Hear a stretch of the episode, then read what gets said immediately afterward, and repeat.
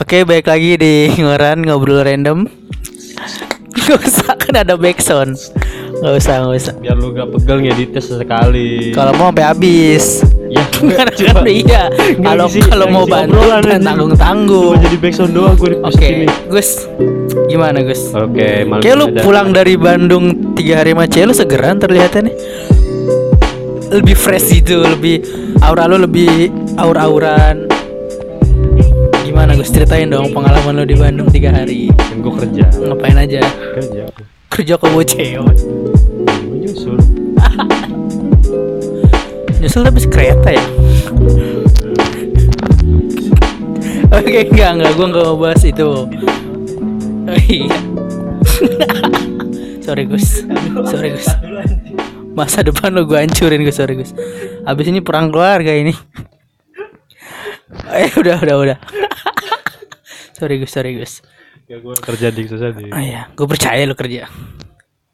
Iya kerja. Oh, kita kita malam hari ini mau bahas apa nih kita? Soalnya banyak banyak banget banyak banget apa ya? Pembahasan-pembahasan yang pengen gue bahas. Mana itu isu-isu di belakangan ini ya Isu-isu yang yang baru-baru ini. Isu-isu ada apa sih yang- isu-isu belakangan ini kayaknya rame pajak iya gimana hampir Kan ada seluruh aspek ekonomi di negara kita ini yang iya langsung pajakin. semuanya dipajak Nggak habis pikir menurut gue kayak pendidikan sampai sampai dipajakin. Menurut gue pendidikan tidak dipajakin aja banyak masyarakat yang masih tidak bisa bersekolah. Mm-mm. apalagi dipajakin gitu loh Tapi setahu gua hampir seluruh 80% kali ya SD negeri itu udah nggak hampir SD atau sekolah negeri lah yang SD SD atau SMP ya paling ya. Yang maksudnya udah total pure nggak ada biaya. hmm. Tapi lu bisa ngebayangin sih kalau misalkan ada biaya gitu ya. Misalkan 80.000 ribu. sebenarnya sejauh ini menurut gue negeri pun tidak sepenuhnya gratis Memang hampir seluruh dunia ini kan ya contohnya kalau kita kan menganut sistem parlementer atau Iya. presidensial. ya Jadi kan kita bayar istilahnya pajak kalau kita ke UK, United Kingdom atau UK. Inggris, bahasa kita agak tinggi dikit lah di atur bos Sekali kan biar omongan gue gak blunder dulu. oke gitu kan. sip Pada saat kita ke UK itu kan ada namanya upeti. Tahu gue bahasa Inggrisnya gue gak tahu cuman ada namanya upeti untuk untuk orang meninggal upeti oh mati. peti untuk orang meninggal kok mati kan orang meninggal. Oh mati. Dark joke oh ma sulit sulit. Lanjut lanjut lanjut. Ada Jadi- upeti di UK Ya, terus? Upeti di UK namanya itu upeti kayak misalkan kita bayar bayar iuran untuk eh, keluarga kerajaan lah maksudnya Mm. gitu kan. Karena mereka yang memerintah kita segala macam jadi kan sama aja sistemnya antara pajak dengan upeti ya kan. Tapi maksud gue yang nggak masuk akal adalah seluruh bahan pokok sembako itu dipajakin dan pendidikan. Menurut yang ya menurut gua kalau bahan pokok dipajakin wajar karena dari ja- dari zaman dulu juga menurut gua udah ada pajak cuma tidak ketahuan aja. Kayak rokok aja kan udah pajak walaupun Iya. bukan bahan pokok tapi kan dia eh ya ada pajaknya lah. Jadi kita bahan pokok rokok tuh. Iya bagi sebagian orang bahan pokok. Bahan pokok. Iya. Bes bahan- mangan urung. Terus semangat orang Paru-paru orang smell. eh maksudnya kalau Wes mangan dulu kok, wes makan udah makan udah. Wes makan udah makan iya, belum baru orang smell. Jawa gua kan Jawa Jawa iya Jawa metal Iya Ki. kalau makanan menurut gua masih masuk akal dipajakin Tapi lu sense restoran-restoran juga dipajakin ya wajar restoran kan semisal ada lu misalkan kayak contohnya kita Iya. McD lah. Misalkan ada harganya 28.000 sekian, Mm-mm. tiba-tiba kita bayarnya 30 misal 30.000. karena PPN 2,5 Iya, persen. itu bayangin kalau misalkan lu beli wortel di pasar harganya 4.000 terus dapat pajak 2,5 persen, berarti lu udah bayar berapa? 6.500.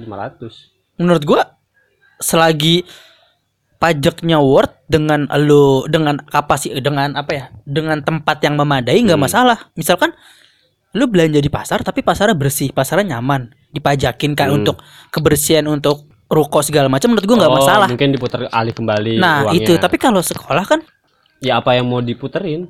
iya maksud gua kayak pendidikan kita tanpa pajak aja udah kacau Mm-mm. banyak banyak orang yang nggak bisa sekolah apalagi ini dipajakin gitu loh Apalagi sekarang daring.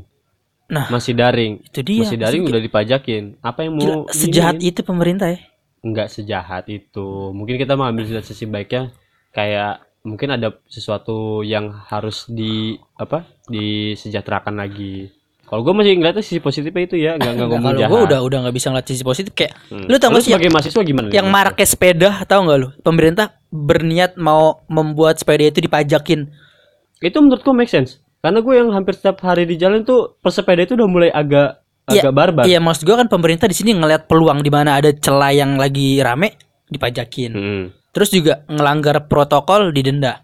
Hmm. Jadi kayak apa-apa yang kita lakuin yang sedang ramai dihubungkan dengan uang gitu loh. Lah. Kenapa gitu? hampir kan tiap tipikal orang masyarakat Indonesia kan seperti itu selalu melihat peluang pak Iya memang, tapi apa lu nggak kasihan sama orang-orang yang yang yang Kecil kurang istilah, lebih iya, kurang membutuhkan lah yang emang dia naik sepeda untuk kerja kayak mungkin petani yang bawa gabah, kayak orang-orang yang jualan. bener memang tapi maksud gue mungkin agak digaris bawahi yang pesepeda tuh yang pesepeda masuk-masuk ke jalur ke ibu kota Seharusnya kalau harusnya Enggak kalau memang dia bikin regulasi sepeda mau dibikin pajak semuanya dong merata. Kalau memang enggak enggak sekalian gitu. ya lu bayangin aja sekarang pesepeda dipajakin orang-orang kayak petani kayak gitu bawa Nah, itu dia masalah gue kenapa dipajakin gitu loh. Nggak usah dipajakin kan seharusnya ya enggak masalah juga. Karena dari zaman dulu pesepeda udah ada ya. Zaman dulu ada nggak misalkan sepeda orang ditilang gara-gara naik sepeda nggak Soekarno Soekarno waktu perang naik sepeda kan, kagak naik motor pakai- beat. siapa sih udah ada. Si ada motor beat zaman Soekarno. ini apa? Bito kata kolonial Belanda. Bito yang ngomong yang ngomong eh, siapa? Nagasaki, bukan Iya. Nagasaki siapa yang? Apa Hiroshi. Hiro Hiro gitu udah pakai orang-orang Jepang anjing. Bito. Bito Bito. apa Bito Bit Bito Korewa Bito kan orang Jepang tuh gak ada gak bisa Yang ngomong Uzumaki Naruto. Iya. Bit Bito Iya maksudnya kayak zaman dulu tuh sepeda udah ada gitu loh kenapa dipajakin lagi? Ya Aneh gua sih. bener kata lu setiap ada sesuatu yang ramai pasti dipajakin. Tapi menurut gua selagi ramainya itu kan gara-gara musim sekarang yang apa semua orang tuh nggak bisa keluar rumah terus tiba-tiba bisa keluar rumah dengan alasan bersepeda adalah olahraga. Iya jatuhnya kan situ. balik lagi Dan ke sekarang, keadaan kali ya. Sekarang mulai sepeda itu mulai agak barbar. Mhm. Yang yang lu Nah. maksud ada kan nih foto di Nah yang, internet yang, gue yang salah satu pengendara motor nge ngancungin jari tengah ke ya sepeda. itu gara-gara sepeda di tengah kan, maksudnya ke Nah. tengah-tengah. Nah maksud gue itu kan kesalahan bukan bukan pada keseluruhan pesepeda dong, Hmm. cuma oknum aja yang kayak gitu. Nah menurut gue yang harus Indonesia diben- banget ya. yang harus- yang yang nggak yang salah pasti dibilang oknum. iya yang harus dibenahi menurut gue ya orang-orang yang yang merasa Arogan. iya yang arogan yang merasa menguasai jalan itu. Mm-mm. kayak ada kok yang meme yang itu yang bilang orang kampung Apa aja nih? naik sepeda mim mim Oh, eh, gua kan takut salah kedengeran. mim ada yang di mim nih Maaf. ada eh, compare gitu lah ya perbandingan Ah. jadi orang kampung yang naik sepeda itu berjejer ke belakang Hmm. dibandingin sama orang-orang kota orang-orang kaya yang naik sepeda ke jalan-jalan gitu maksudnya Hmm. nutupin jalan protokol Iya. maksud gue ya apakah semakin tinggi pendidikan semakin kecil etika Untuk sekarang kayak menurut gua pendidikan tuh lebih menghancurkan tata krama sih. Iya kan? Iya nggak sih ngerasain sih? Orang-orang yang bertitel itu seakan-akan hilang tata kramanya karena seakan-akan mereka pengetahuan. paling tahu seakan-akan Iya. mereka paling pinter Jadi menurut gua saran gua untuk pendidikan sekarang tuh lebih diformalin untuk belajar tata krama. Karena Indonesia udah krisis ke tata krama cuy. Hmm. Gue nemu tata krama cuma ada di salah satu provinsi di Jawa Tengah itu cuma Jogja. Maksud gua orang yang masih ada tata kramanya ya. Mungkin beberapa gua nggak tahu cuman Sumeh lah ya. Hmm? Sumeh. Sumeh itu apa? Lu nggak tahu Sumeh? Sumeh apa? Sumeh tuh ramah. Oh, Sumeh tuh apa ya? Kayak murah senyum gitu lah. bahasa Jawa Jawa halus sih. Iya, Sumeh. Itu Sumeh. nggak sumek ya. Apa tuh? Suka Meksiko. Suka Meksiko. Emang sukanya suka tarian-tarian sombrero gitu kan sama makanannya taco. Tatur. iya. Suka banget sama Meksiko. Gue kira Sumeh suka McD. Sebel gue McD itu kemarin. kenapa lu sebel kenapa mau McD? Siap. Oh lu kan sekarang udah jadi ini ya Shopee Shopee Food Iya, udah jadi driver salah. Shopee Food Iya. Kenapa? Maksudnya gue gue tahu beritanya tapi apakah se seramai yang diberitain itu? Sekeos itu mungkin yang di media at least kayak sekian berapa outlet lah ya. Maksud gue yang Hmm. masih kejangkau kayak ada beberapa yang senggang gitu kan yang diliput. Asli Hmm. mah lebih parah di terjun di lapangan bener-bener kata gue. Segitu chaosnya gitu, segitu excitednya mungkin para eh, kita takut diserang nih sama army. Army. menurut gua nggak apa-apa selagi kita tidak menjelek-jelekan army Iya, maksud gua- maksud beri gua- masukan kan Iya pemasukan. masukan Masukannya sih harusnya sih ke ke McD-nya ya menurut gue ya. Kalau ke Army kan jatuhnya konsumen, customer. iya mereka cuma beli mereka cuma beli seharusnya tuh dari kebijakan dari MCD-nya ini untuk ngadain promo seharusnya bisa di maintain mungkin pihak McD juga nggak tahu Gus kalau euforianya sebegitu gedenya gitu Iya. segitu banyak nggak nggak nyangka menurut, lah menurut mungkin gua harusnya sudah ada ancang-ancang nih kayak antisipasi ini euforia BTS ini kan sangat mendunia lah Hmm. bagi kaum kaum hawa gitu kan harusnya semisal gini kalau saran gue ya menurut gue pribadi sebagai driver yang turun di jalan misalkan gini ada jadi McD itu buka cuma 50 orderan entah dari Gojek berapa Grab Hmm. berapa tuh Shopee berapa nanti habis itu ditutup setelah selesai baru buka lagi. Hmm, Nggak- jelas semua kebagian lah ya, iya nggak serta-merta langsung di bet itu kan hampir ada 200 orang di mungkin menurut gua McD juga dibilang chaos tadi kayak lebih ke pusing sih. Dia nggak Iya. nggak nggak ngira kalau bakal setinggi itu Iya. pembeliannya. Bakal bakal seramai itu. Ya kan abis lu bayangin aja mungkin orang yang bener-bener kayak gue pernah dapat orderan ya. Hmm. itu tuh ada yang beli dari Pondok Indah nganter ke Tanjung Duren saking maksudnya di MCD Tanjung Duren tuh sampai nggak nggak nggak mampu buat habis masukin orderan. udah nutup close iya order nutup kali ya? close orderan gitu. Tapi kan akhirnya endingnya malah apa? Jadi masalah kan McD-nya ditutup sementara selama satu kali 24 jam. Oh lu kalau mau sepi beli di ini Gus McD tol Cikampek. Oh iya bener. Sepi banget tuh. Grab nggak Itu ada dari Gojek nggak ada. dari salah satu youtuber apa Ridwan Hanif. Iya. Dia beli di tol. Oh ini juga si siapa Raden Rauf. Raden Rauf Raden Rauf. iya. itu dia beli tol mana gitu. Tapi emang iya sih maksudnya kan rame karena orderan online ya. Jadi lu mesen lewat aplikasi yang jalan ya orang-orang yang order apa yang driver menggunakan motor. iya. iya yang naik motor. Jadi ya make sense sih kalau emang di tol sepi. Si boleh tuh. Kalau enggak drivernya tuh salah satu minj- apa mesen ini juga gokar atau takutnya- grab car. takutnya ada pencetus Agus kayak MC di Cikampek sepi nih masuk tol yuk yuk yuk semua ikut masuk tol takutnya gitu kan lu tahu grab grab barbar banget orang-orang ojek online Bisa, bisa, Bisa. Tapi untungnya semoga driver gak pada gede begini Iya. ya. Gua mudah-mudahan belum belum ada Belum ada. pencetus idenya aduh bego banget sih kalau sampai Yang aneh tuh apa dik? kalau ada anjing Maksudnya kan gini, mereka tuh gue salut lah misalkan gue salut lah sama driver yang berani ngantri sampai 2 jam lebih kan buat ngantri cuman ya elah nugget sama kentang doang cuy sama sama cola kayaknya. Yang iya kan? Terus dikasih nasi bungkus sama arminya. iya Iya, itu kan masuk apa berita? tapi ini yang harus diperhatiin lagi menurut gua dari sisi konsumen Agus kayak yang mesennya jadi ojek online mungkin udah ngantri segitu lamanya Hmm. ya lu apresiasi dengan mungkin ngasih tip atau ngasih Iya, kebanyakan sih ngasih makanan lima. atau ya kalau bintang lima mah Wajib wajib ya? wajar kan. Tapi kalau misalkan dikasih makanan nasi kotak gitu atau cuma cemilan menurut gua hal yang gak make sense sih. Hmm. Make- maksudnya gini loh, kita kan ngantri sama dua jam lebih, ada yang lebih kan bahkan. Dengan situ entah lu sehat atau enggak setelah lu ngantri itu kan Iya. nggak tahu. Menurut gua lebih mending lu nolak orderan, bukannya gitu sih maksudnya. Lebih mending lu nggak terima orderan itu tapi lu milih nyari orderan yang lain. Eh, yang makanan wajar lah ya iya makanan normal. wajar. Soalnya masih banyak resto kok yang masih maksudnya masih hari itu buka dan masih banyak gue ngeliat juga Gus ada. Jadi kayak orang setelah dapat orderan kayak lolos audisi.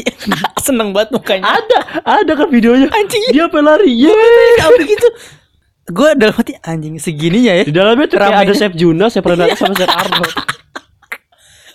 Kayak lolos butter chef. Kamu lolos ke babak berikutnya Yeay, langsung keluar seneng buat anjing. Se excited itu ya. Ya berarti emang menurut lu bukan yang salah sih. Yang berdampak tuh mungkin BTS BTS-nya kali ya? Sangat sangat berdampak sekali. Karena yang diincar apa di ternyata nggak makanannya cuma tempatnya doang. Dan ternyata cewek gue tuh akhirnya ngirimin eh, apa screenshotan dari Tokopedia salah satu e-commerce ya Hmm. di Indonesia ini bahwa tempatnya itu dijual dengan harga sepaket itu ada yang enam ratus ribu. Tempatnya 300 doang? Tempat- 300 sampai 600 iya. Maksudnya nggak ada isinya kan nggak nugget atau kentangnya gitu? Ya kalau misalkan isinya masih ada terus lu baru beri enam hari kemudian itu nugget nggak jadi jamur anjing. Iya juga ya Iya, kan? putih-putih. Putih-putih. Kok kemarin nuggetnya ini kuning ini Iya, putihnya terus ada putih-putihnya sih ini. Udah berjamur. sampai dijual lagi gitu. Jual lagi. Karena kan yang diincar sama arminya ini tuh kan sebenarnya logo atau apa sih Setahu gue ada yang bisa di Gitu. scan deh Jadi kayak Apa? sausnya itu kan ada kayak barcode. Gue nggak ngerti barcode atau apa. Jadi bisa di scan. Terus dapat foto personil BTS. Ah, gue nggak ngerti. Gue juga nggak ngerti sih. Pokoknya- Kemungkinan kayak gitu. Siapa? Ah, gue pernah ngeliat influencer pernah nyoba. Ada yang berhasil. Cuma gue nggak tahu fungsinya buat apa ya di scan itu. Nggak ngerti gue.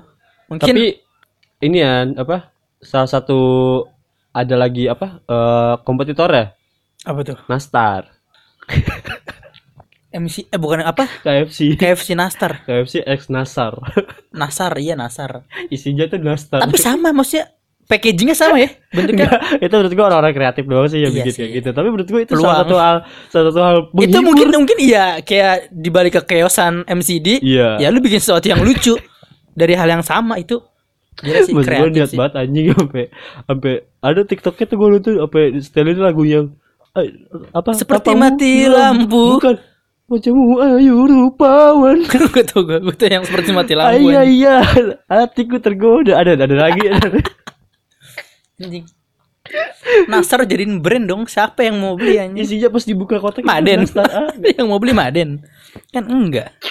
Anjing. Tapi menurut gue itu salah satu menghibur sih bagi bagi gue yang karena gue ngeliat di TKP itu bener-bener di parah kacau. Tapi yang makan di tempat ada. Maksudnya yang nggak bisa dine in itu enggak harus- maksudnya untuk untuk makanan biasa yang makan di tempat ada? Maksudnya kayak pengunjung yang makan di tempat tuh nggak ada, sama sekali? Nggak ada semua nggak ada, nggak ada sama sekali. Berarti at least lu mesen burger itu nggak bisa makan di tempat? Nggak bisa. Ya mau makan tempat gimana? Isinya Grab Driver semua ya? kita mau makan tempat juga gimana? Kemarin juga gue dapat cerita dari teman kita. Ada Hmm. kan ceweknya kerja di MCD itu sampai nangis nangis kata dia. Kenapa? Ceweknya tuh keinjak kakinya. Sama driver daripada masuk ketabrak dapur. Ketabrak Mio. Ceduk motor lain kan banyak. Mbak mbak mbak mbak. Ketabrak Mio anjing. Ini iyalah nangis. Mbaknya tuh di mana sih? Aja bisa ketabrak dan kenapa motor harus mio Iya. enggak jadi ceweknya dia tuh kerja di MCD nah, nangis karena kecapean atau apa mungkin karena banyak banget pesanan. Jadi over over order ya. Iya jadi kata dia yang seharusnya seminggu itu BTS di setiap MCD ini cuma dibatasin jadi tiga hari doang. Ya kan karena emang se gua iya maksud chaos itu gitu. Iya sekeos itu. Jadinya Separah itu. kasihan juga sebenarnya kayak MCD-nya Mm-mm. ya kan pegawainya sampai nangis gitu tabrak mio. Tabrak Mio di dalam lagi. Itu drivernya ngapain? Mau mesen apa? Ke mau mesen apa mas? Ceduk. Maaf maaf maaf maaf. Di sini ya? Suaranya gini lagi. Hei! Apa suara gitu anjing? Orang ketabrak aduh goblok. Mbaknya mbaknya lagi di kaca yang ini yang kalau lo drift thru tau nggak? Kan ada mbaknya di kaca tuh kadang yang kita ngasih duit di situ ketabraknya. Ceduk. Woi. Nggak ngapain. aduh ngapain? Udah pernah meleng anjing. sampai dalam masalah melangnya sampai dalam sih goblok. Bapak dan saya lagi balas chat customer. kan kalau sampai dalam berarti lewat kasir dulu ya lewat kasir lewat yang orang biasa ngantri di dalam tuh. Lewat dapur.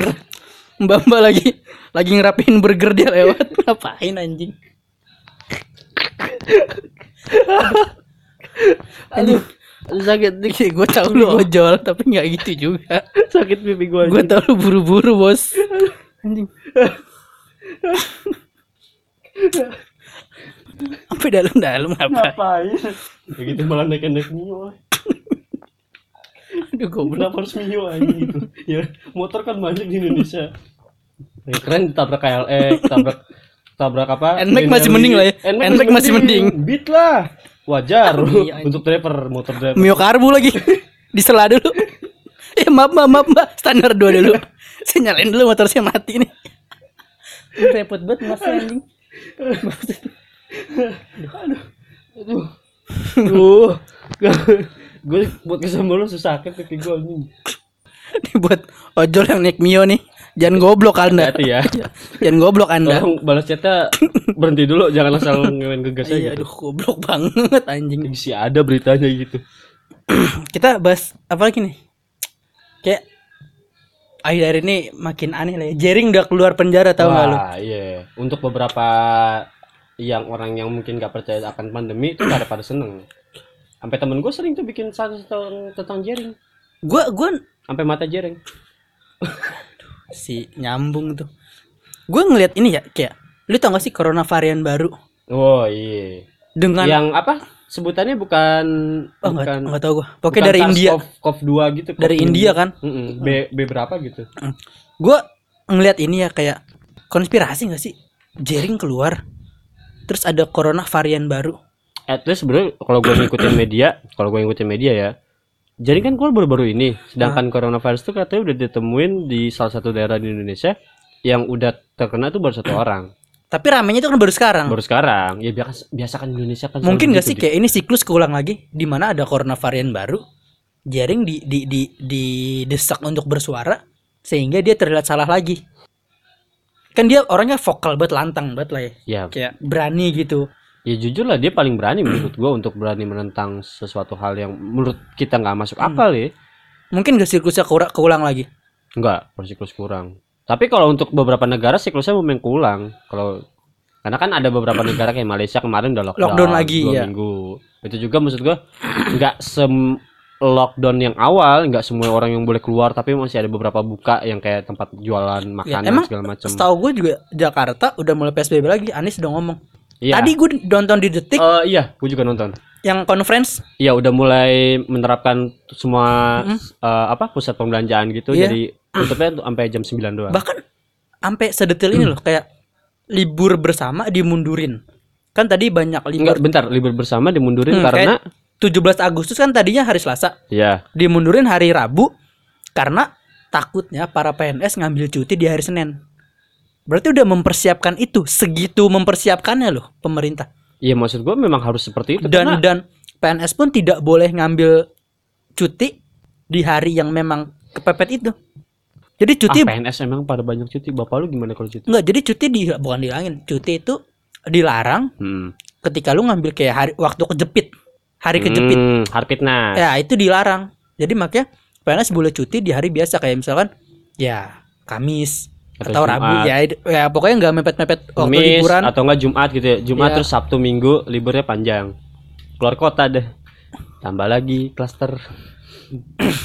Masuk akal sih. Asik akal enggak? Asik akal dong. Oh iya, Kan pokoknya- tahu pola pikir Indonesia tuh Iya. selalu begitu. Licik kali masih apa aja bisa Iya, diakalin. Apa bisa diakalin? Maksud gue kayak segitu memikirkan loh sampai libur tuh di, di, dimundurin. Iya kan maksud gua gini loh pemerintah udah menurut gua ya udah semaksimal mungkin untuk ngatasin ini cuman dari warga negara kita masih masih pada ini ya gimana sih lu kayak ngeliat libur sedikit jalan-jalan Cabut ya. iya ngeliat libur bentaran ke mana pergi hek, apa Kayak Natal kan tadi ya sebelum Natal tuh mau cuti bersama. Mm-mm. Cuma dihapusin. lebaran lebaran kemarin banyak beberapa instansi yang akhirnya tuh aturan bisa libur 10 hari cuma dikasih lima hari Gimana lebaran kemarin? Lebaran kemarin tuh banyak instansi yang seharusnya kalau gua ngerasain ya, seharusnya tuh kita kan libur yang untuk kerja kantoran tuh hampir seminggu atau 10 hari Hmm. seharusnya. Hmm. Itu karena diadanya diadakannya apa eh, tidak ada cuti bersama jadi Oh, dipotong. jadi lima hari doang. Iya, menurut gua bagus sih, tapi kalau bisa jangan dipotong liburnya, tapi dialihkan. Dialihkan tuh sama aja membuat klaster baru dik. Iya, menurut kita tapi tidak numpuk Tapi kayak kalau misalnya gini, kebijakan pemerintah untuk ngadain maksudnya ngundurin cuti bersama dengan masuk terus masuk ya orang untuk bekerja itu kan sama-sama menyebabkan Hmm. penyebaran virus menurut gua. Kalau misalkan mau di stop ya di stop semuanya. Yang nggak boleh kerja, nggak boleh keluar rumah. Jadi kan dia terdeteksi semua. Oh ini yang sakit berapa? Tapi enggak, tadi kalau dari segi perkantoran katanya kalau memang zona merah itu tergantung Pemda masing-masing, keten- ketentuan Pemda masing-masing. Misalkan kalau yang emang zona merah ya 50-50, kalau tidak memungkinkan 70-25 eh 75-25. Kalau memang ada di satu kantor itu ada yang positif, diliburkan semua. Tapi menurut gua kalau gua ngalamin di kantor gua sebelumnya ya, gua buka kartu jadi. Kantor lu sebelumnya. kantor sebelumnya nih. Kantor gue sebelumnya tuh ada yang pernah terdampak COVID, hampir lima orang, lima orang total.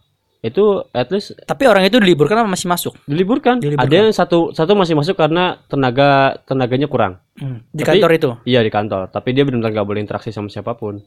Tapi maksud gue itu kan salah satu hal yang malah ngebikin sebuah klaster baru gue. Jadi upaya pemerintah untuk menghentikan penyebaran menurut gue masih masih nihil sih. Dari segi kantornya juga orangnya nggak terlalu terlalu mengesampingkan covid menurut gua. Ya kan Anies kan tadi kan juga bilang untuk apa untuk tidak mencari keuntungan di uh, masa seperti ini kan gua. lebih mending kita mencari apa mengutamakan keselamatan dan kesehatan. Menteri Ripka juga ngomong tahu? Tahu nggak lu menteri yang yang ngomong kalau covid ini bisnis? Iya. Dia ngomong pokoknya menteri kesehatan apa? Eh, bukan, ya, menteri gue lupa menteri Ripka siapa, Ripka siapa? Jadi dia ngomong covid ini pasti ujung-ujungnya bisnis. Pasti ada vaksin pasti vaksin dijual. Dan dan itu kejadian bener terus dia ngomong eh siapa pun tidak boleh berbisnis dengan eh eh, negara tidak boleh berbisnis dengan rakyatnya. Sekarang gini Indonesia vaksin atau tes pakai duit kan? Nah itu dia. Jadi kan menurut gue itu semua jadi cuma jadi wacana deh nggak Iya. bakal bisa terjadi terwujud. Hampir semua negara ya semua negara. Kalau misalkan ini memang salah satu bencana dari alam ya contohnya amit-amit misal kayak ada eh, bencana kemarin-kemarin kayak entah tsunami atau gempa bumi kan banyak kan di negara kita kemarin. Itu yang bantuan total pure pemerintah kan keluar tuh. Maksud gue buat memulihin kondisi atau ekonomi rakyatnya Mm-mm. itu kan kayak di mana kemarin? Yang di Sulawesi? Ya itulah. Iya pokoknya dari daerah situ lah. Itu kan benar kayak total pure pemerintah ngasih lu dana nih pokoknya ada bantuan segini ya udah terima. Terus untuk pemulihan semuanya kan. Juga kalau misalkan ini dampak dari bencana alam atau memang dari alam yang negor kita ya kenapa nggak itu vaksin di gratisin aja? Kenapa harus kita bayar? Kan kitanya yang kena kita yang sakit. Menurut gua gini Gus kayak balik ke dana tsunami deh tadi. Hmm. kalau kalau gue yakinnya sih kan orang Indonesia memanfaatkan keadaan lah ya. Mm-mm. pasti dari pemerintah taruh misalkan 1 m dari pemerintah nih jebret. Dikasih kan nggak langsung ke warganya dong pasti ke misalkan eh, Pemda Kalimantan dulu. Mm. nah pasti menurut gue dari Pemda Kalimantan itu dipotong lagi. Yang tadi misalkan 1 m dijadi 900 juta. Itu seperti terus kasus turun lagi misalkan ke setiap kawasan masing-masing lah. Iya itu bisa bisa jadi dipotong lagi jadi 800 juta. Ya kan? Itu kan salah satu kasus yang kemarin kita dapat dari salah satu mantan menteri. Sosial. Iya. Dana berapa sekian turun dipotong sepuluh ribu. Ya itu dia. gitu. menurut gue kayak kan seharusnya kalau sih? itu masih dikus masih diusut dik banyak yang kena. Termasuk pemerintah kepala daerah kita ya. Gue berani iris kuping tahu KPK yang 19 eh 9 berapa? 19 orang ya? Iya 19 dibekukan orang di, dibekukan gara-gara tidak lolos tes TWK tes TWK TWK tuh apa? TWK apa? Tes tes ke tes tes wawasan kenegaraan. kenegaraan kalau nggak salah ya. Bener ya? Iya. Gara-gara tes wawasan kenegaraan.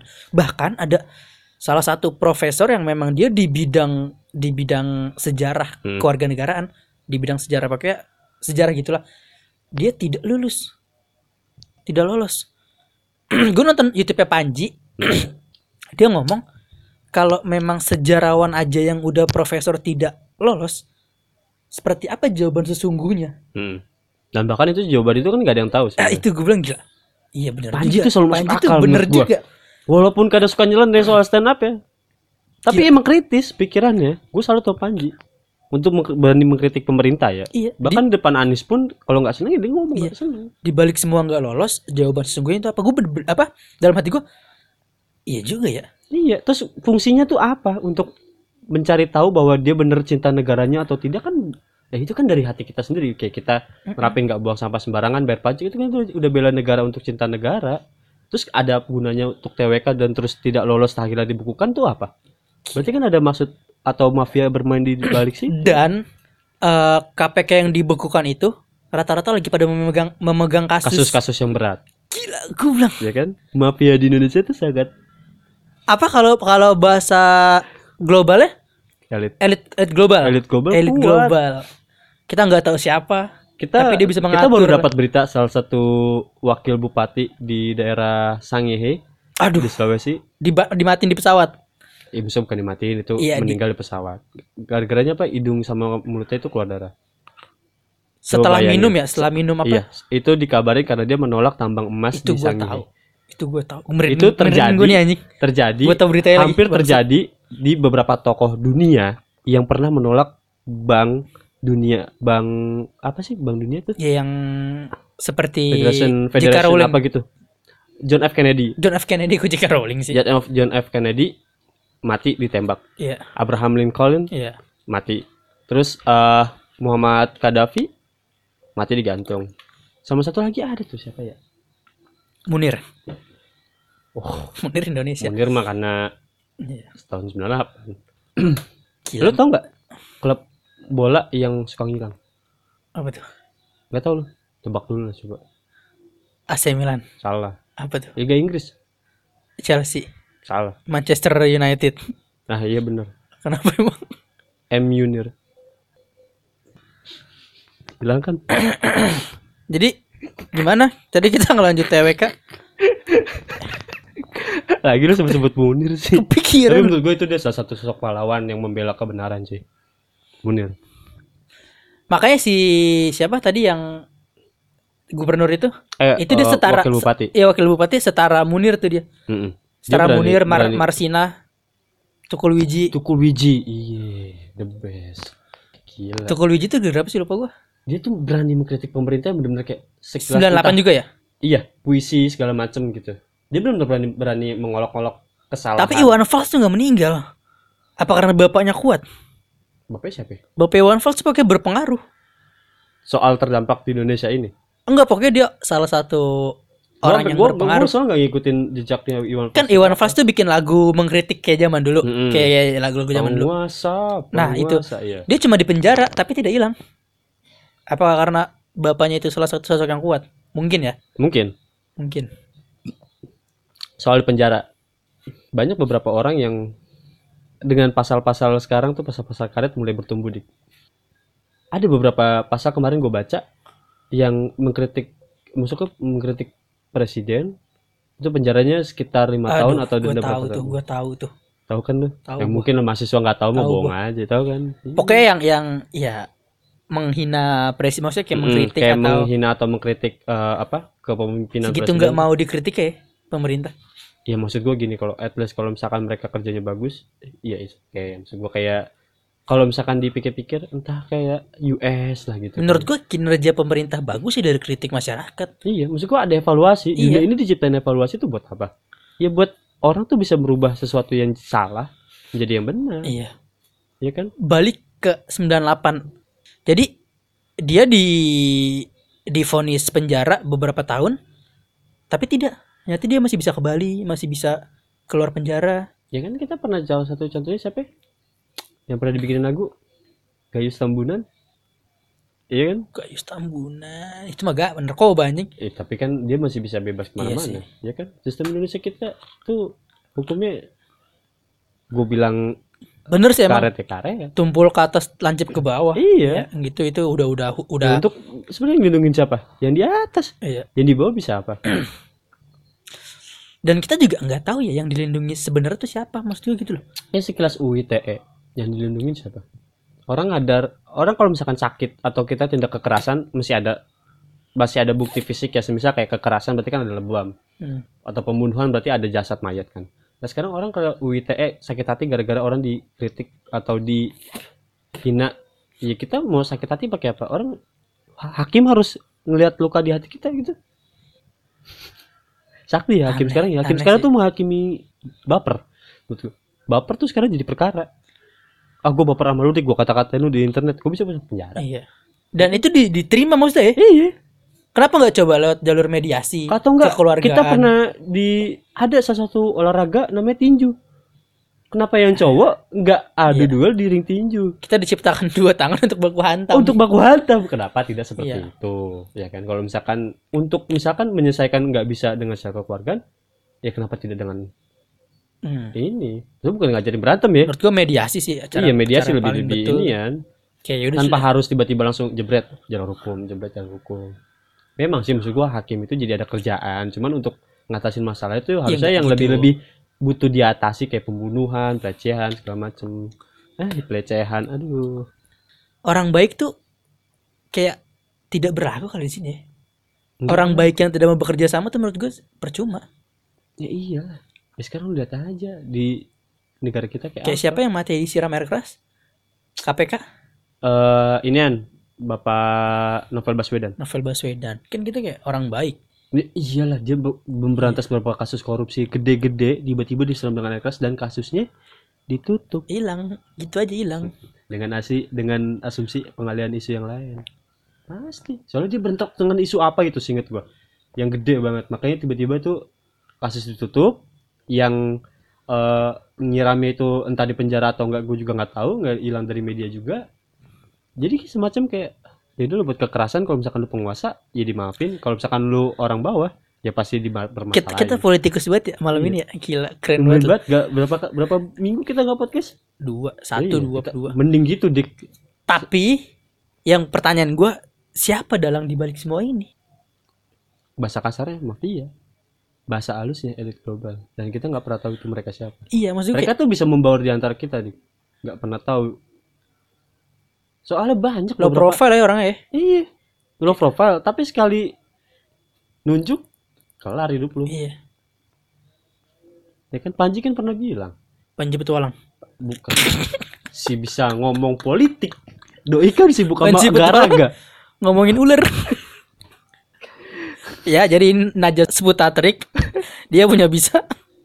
Mematikan ya. Mematikan. Jadi kalau misalnya anda mati karena bisanya ngomongin di gedung DPR lagi. Si ada yang mau denger tuh. Si ada yang si mau ada tahu. mau datang ada ular di gedung DPR kita salah ngundang Panji bos. Sorry sorry. Apa itu? Gue bisa bisa salah ngundang Panji. Gue sampai lupa kata kalimat Panji gara-gara lu ngalihin Panji petualang itu bener. Baru tuh kalimat bagus loh. Apa nih apa nih? Tentang apa? Untuk pemerintah. Hmm. Dia maunya kritikus banget gila. Iya kata gue apa tadi ya gue lupa. Ya ngomongin kita sering siaran nih berdua. Salah satu penyiar yang sekarang lagi kena. Wah Gofar. Aduh kasus pelecehan My- seksual. This is my inspiration this is my your kiblat. Iya. Enggak kiblat gue ya kak. Oh, iya. banjir. Kalem kalem. Bukan tetap maksud gue tetap salah satu inspirasi gue Hmm.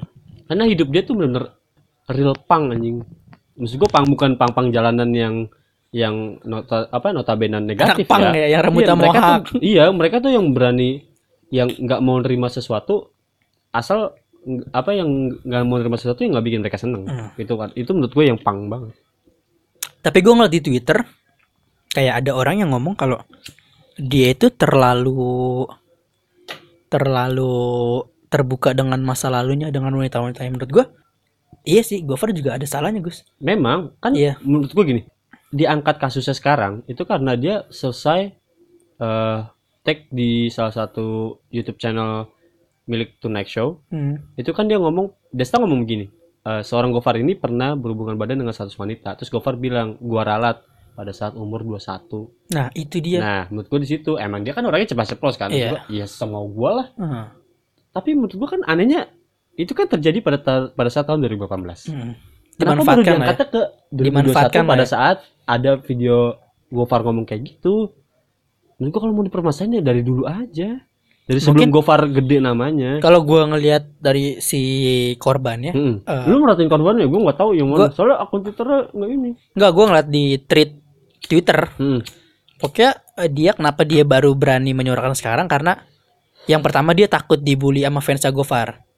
Terus kayak ada orang di sekeliling dia yang mensupport dia bahwa udah nih kasus lu speak up aja biar biar orang orang banyak tahu. Hmm. Akhirnya di, di speak up lah sama dia diangkat. Rame gitu. Nah, wajar rame sampai dikeluarin dari lawless anjing Aduh. Ternyata dia, dia bukan yang punya ya. Gue denger dia owner dia tuh berlima yang punya katanya owner. bukan yang punya. Cuma kayak brand ambassador gitu. bukan brand ambassador jadi ceritanya kan gue tahu jadi kan awal berterbuka lawless kan cuma berempat orang Semi sama Aryan dari Seringai itu punya store di mana ya? Di salah satu daerah Kemang namanya Howling Wolf. Hmm. Dagofar sama Ucup Yusuf Abdul Jamil itu punya toko di Bangka namanya eh, Piston jual-jual baju. Nah, kontrak mereka ini habis dua-duanya. Akhirnya mau join. Terbentuknya Lawless Nah, tambah satu lagi namanya Roni. Situ sebagai pengatur keuangan. Tapi ada si ini juga siapa? Soleh Solihun. Soalnya Solihun karena maksud gua yang apa ya fotografer kayaknya dia deh. Dia kan fotografer seringai dulu. Hmm. Fotografer band Oh dia wartawan. Iya, makanya dia tahu sejarah Lawless kayak apa. Pantas si Soleh Solihun juga speak up tentang Gofar dikeluarin dari Lawless. Soalnya gua kaget loh kata gua. Wah, Yang kocak, yang kocak gini Gus. Namanya Lawless, tapi kok lewat jalur hukum. Lah, emang- itu kocak banget iya? pokoknya nyelesain masalah lewat jalur hukum kan kayak dia Gofar kena masalah tapi Hmm. nggak nggak nggak apa ya nggak membantu lah malah dikeluarin Gofar dari itu, Lawless. itu itu Itu Gua- menurut gua lucu banget sih komentarnya anjing. Tapi gue sempet kayak anjir itu juga lo hampir libur beberapa apa berapa weekend untuk dia ngupload Libur store-nya. enggak store mah masih ada Hmm. cuman untuk Oh, konten konten ya konten kalau misalkan konten YouTube masih upload kemarin Emang Gofar kan apa maksudnya hostnya itu bukan? Hostnya si kebanyakan si Semi Semi Bramantio Eh gue kira Semi Simorangkir dong anjing. Bukan. si si nggak bisa ngomong di Si, podcast si nyambung tuh. si nyambung podcast enggak basis basis seringai Hmm. kan sama Arian Arian 13 Gak tau gue sih Ray. band metal Iya gue gak tahu anjing. Makanya dengerin Unfaida coba. Tapi lu masih masih pro ke Gofar sampai sekarang. gue masih pro sama Gofar. Karena gini loh. Untuk menurut gue salah satu hal yang bisa dibilang kayak wah anjing nih. Ini kayaknya orang cinta kebebasan. Panutan Ki. Iya, panutanku ya kan. Tapi lu percaya gak sih kalau Gofar melakukan hal itu? Percaya. Lu percaya? Gue tahu dengan Ceweknya tuh ngomong kalau dia sampai masuk-masuk ke dalam baju. Iya. Lu percaya? Maksud gue, gue sering dengerin podcastnya dia, entah di Scoot FM atau enggak di eh, Unfaida Podcast. Ngo- ngobrak. Nggak digobrak. Scoot FM kalau dia ngobrol sama Adit lebih sensitif itu tuh dia memang kadang suka dia pernah ngomong gini eh, waktu nge-host di acara YouTube eh, Lawless YouTube Squad itu dia bilang abis keluar dari kamar mandi sama cewek tapi dia bilang nggak ngapain karena dia situasi dia lagi nggak sober itu menurut gue salah satu hal yang ah, ya, emang, Gofar kayak gitu Tapi sampai di depan umum Gus katanya itu lagi foto loh, lagi foto.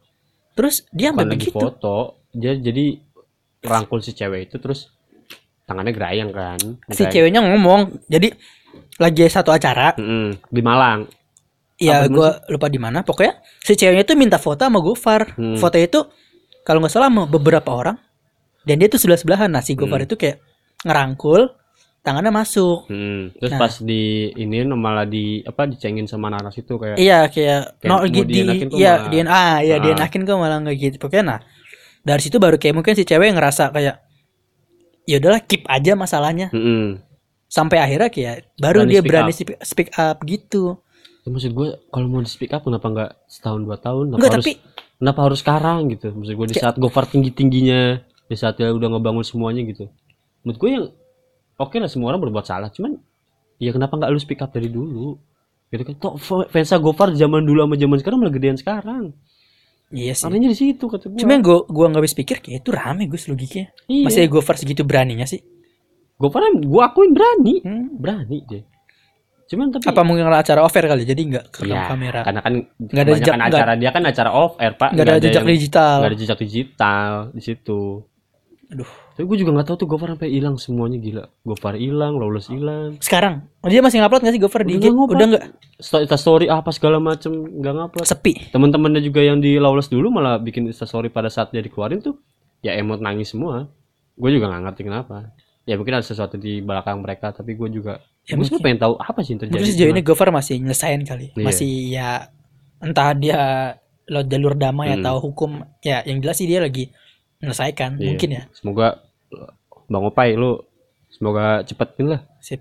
wake up lah anjing kangen konten gue sumpah kangen Kita bikin dua sesi kali ya. Hah? Ini kita udah dulu kita ngobrol yang lain. ya udah boleh Gimana nih? Oke, jadi kali ini kita bikin dua sesi. Pembahasan politik kita cukup sampai di sini. Aduh berat banget nih Berat banget udah gua nggak kuat. Habis ini gua akan bikin yang ringan-ringan yang bisa didengar oleh semuanya. Terima kasih sudah mendengarkan. Sampai bertemu di episode berikutnya. Bye.